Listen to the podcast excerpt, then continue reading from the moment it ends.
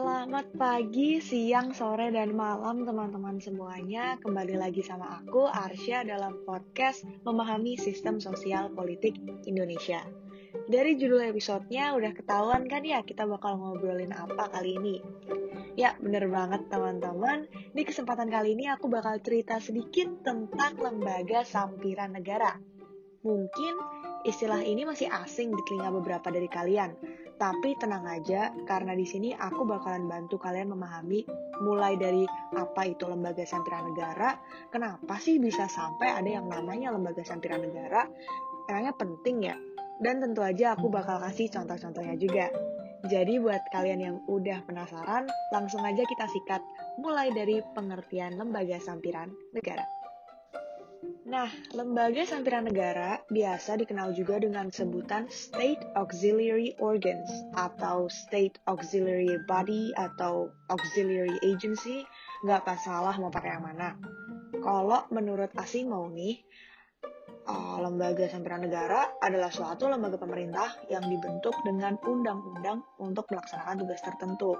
Sederhananya, lembaga sampiran negara itu merupakan lembaga penunjang lembaga pemerintahan lainnya. Maksud dari penunjang ini tuh adalah si lembaga sampiran negara berfungsi untuk membantu mengawal, mengatur, dan mengontrol lah kinerja lembaga pemerintah yang dalam tanda kutip utama. Teman-teman pasti familiar dengan konsep trias politika oleh Montesquieu kan? Nah, lembaga pemerintah yang dalam tanda kutip utama tadi itu adalah lembaga-lembaga yang ada di klaster eksekutif, legislatif, dan yudikatif. Si lembaga sampiran ini tuh hadir untuk ngawasin, ngontrol, bahkan ada yang bisa ngehukum juga lembaga-lembaga utama tadi. Jadi, fungsi si lembaga sampiran ini emang ada yang fungsinya tunggal, ada juga yang multifungsi. Mungkin untuk gambaran awal aja nih, aku bakal kasih contoh buat teman-teman. Misalkan, dalam klaster yudikatif kan ada Mahkamah Agung, Mahkamah Konstitusi, dan juga Komisi Yudisial. Nah, si Mahkamah Agung dan juga Mahkamah Konstitusi ini megang urusan kehakiman. Tapi si Komisi Yudisial ini fokusnya adalah mengawasi dan mengatur etika kehakimannya Nah, dari sini tuh bisa kita lihat kalau komisi yudisial ini tuh berfungsi sebagai penunjang bagi kedua lembaga kehakiman utama tadi. Gitu sih mungkin kira-kira konsepnya. Nah, mungkin sekarang kita bisa lanjut ke latar belakangnya. Nah, fenomena lembaga sampiran negara ini tuh sebenarnya lumayan baru ya teman-teman di Indonesia. Tepatnya sih baru mulai muncul setelah reformasi yang melatar belakangi merebaknya lembaga sampiran negara di Indonesia pastinya nggak jauh dari dampak Orde Baru. Ya, Orde Baru lagi, Orde Baru lagi. Selama Orde Baru, kepercayaan masyarakat terhadap jajaran pemerintah terus menurun dan ini tuh bisa kita lihat dengan terakhir tuh penuntutan turunnya Soeharto sebagai Presiden Indonesia kala itu. Kalau mengutip dari Prof. Cornelis lah ini, performance masa lalu yang buruk ini tuh menjadi alasan mendasar mengapa masyarakat kemudian menolak lembaga-lembaga negara yang ada. Selain penolakan luas dari masyarakat, sebenarnya fungsi lembaga-lembaga negara pada kala itu banyak juga yang udah gagal dan menyimpang. Nah, berangkat dari sini nih, ada keinginan besar untuk mendispers atau menyebarkan kekuasaan lembaga-lembaga ini baik secara horizontal maupun vertikal. Kalau kata Prof. Koni sih ya, penyebaran secara horizontal direalisasikan melalui pembentukan lembaga-lembaga sampiran negara yang tadi sudah kita sebut. Sedangkan penyebaran secara vertikal dilakukan melalui desentralisasi. Nah, biar teman-teman gak makin bingung, lanjut aja langsung ke contoh-contohnya. Nah, lembaga sampiran negara sebenarnya ini ada banyak teman-teman.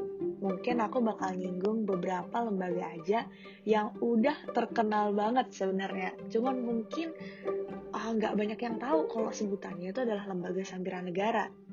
Pertama, kita bakal bahas lembaga sampiran negara yang menandakan keseriusan pemerintahan Indonesia untuk melawan korupsi. Apalagi kalau bukan Komisi Pemberantasan Korupsi alias KPK, teman-teman. Nah, KPK ini dibentuk tahun 2002 di bawah kepemimpinannya Megawati Soekarno Putri. Sampai saat ini pun, semua orang, mau masyarakat, mau pemerintah, itu tuh menaruh harapan besar kepada KPK Karena sebagai sebuah lembaga nih ya, si KPK ini memiliki apa yang kita sebut sebagai extraordinary authority alias kewenangan yang luar biasa. KPK ini bisa melakukan supervisi, penyelidikan, penyidikan, dan penuntutan terhadap tindak pidana korupsi. Nah, bisa kita lihat fungsinya KPK ini itu tuh sebagai penunjang buat lembaga-lembaga lainnya penunjangnya dalam apa? Dalam pemberantasan korupsi, teman-teman. Mungkin selain KPK, teman-teman ada yang pernah dengar kali ya dengan lembaga yang satu ini. Namanya adalah Ombudsman. Kalau KPK kan buat pemberantasan korupsi. Nah, kalau Ombudsman ini kerjaannya itu tuh mencegah dan menindak maladministrasi di lembaga-lembaga pemerintahan. Jadi fungsinya itu sebagai pengawas eksternal gitulah buat lembaga-lembaga pemerintahan lainnya.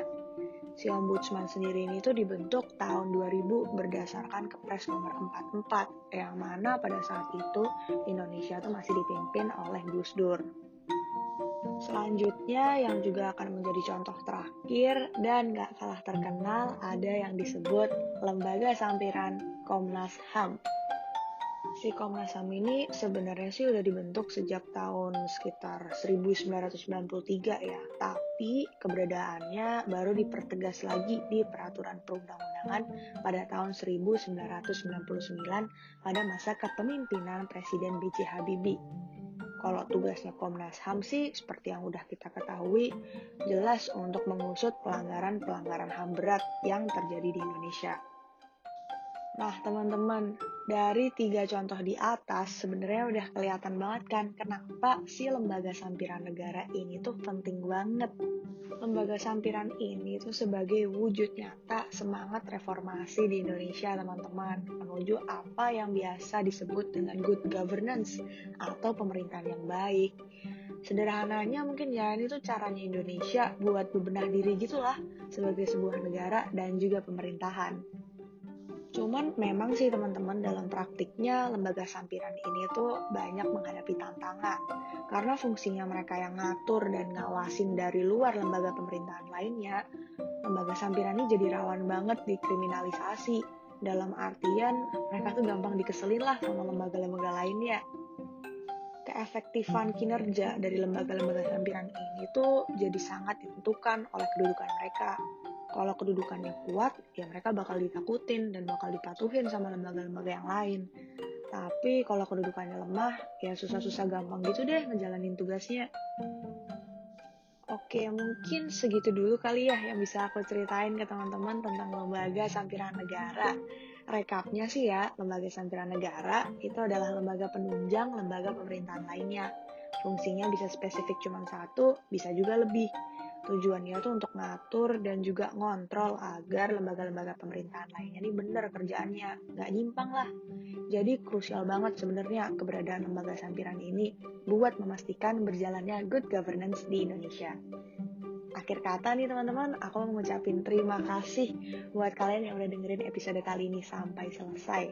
Semoga lewat podcast ini kalian jadi lebih paham sedikit tentang lembaga sampiran negara dan tentunya juga tentang sistem sosial politik di Indonesia. Sampai jumpa di episode selanjutnya ya.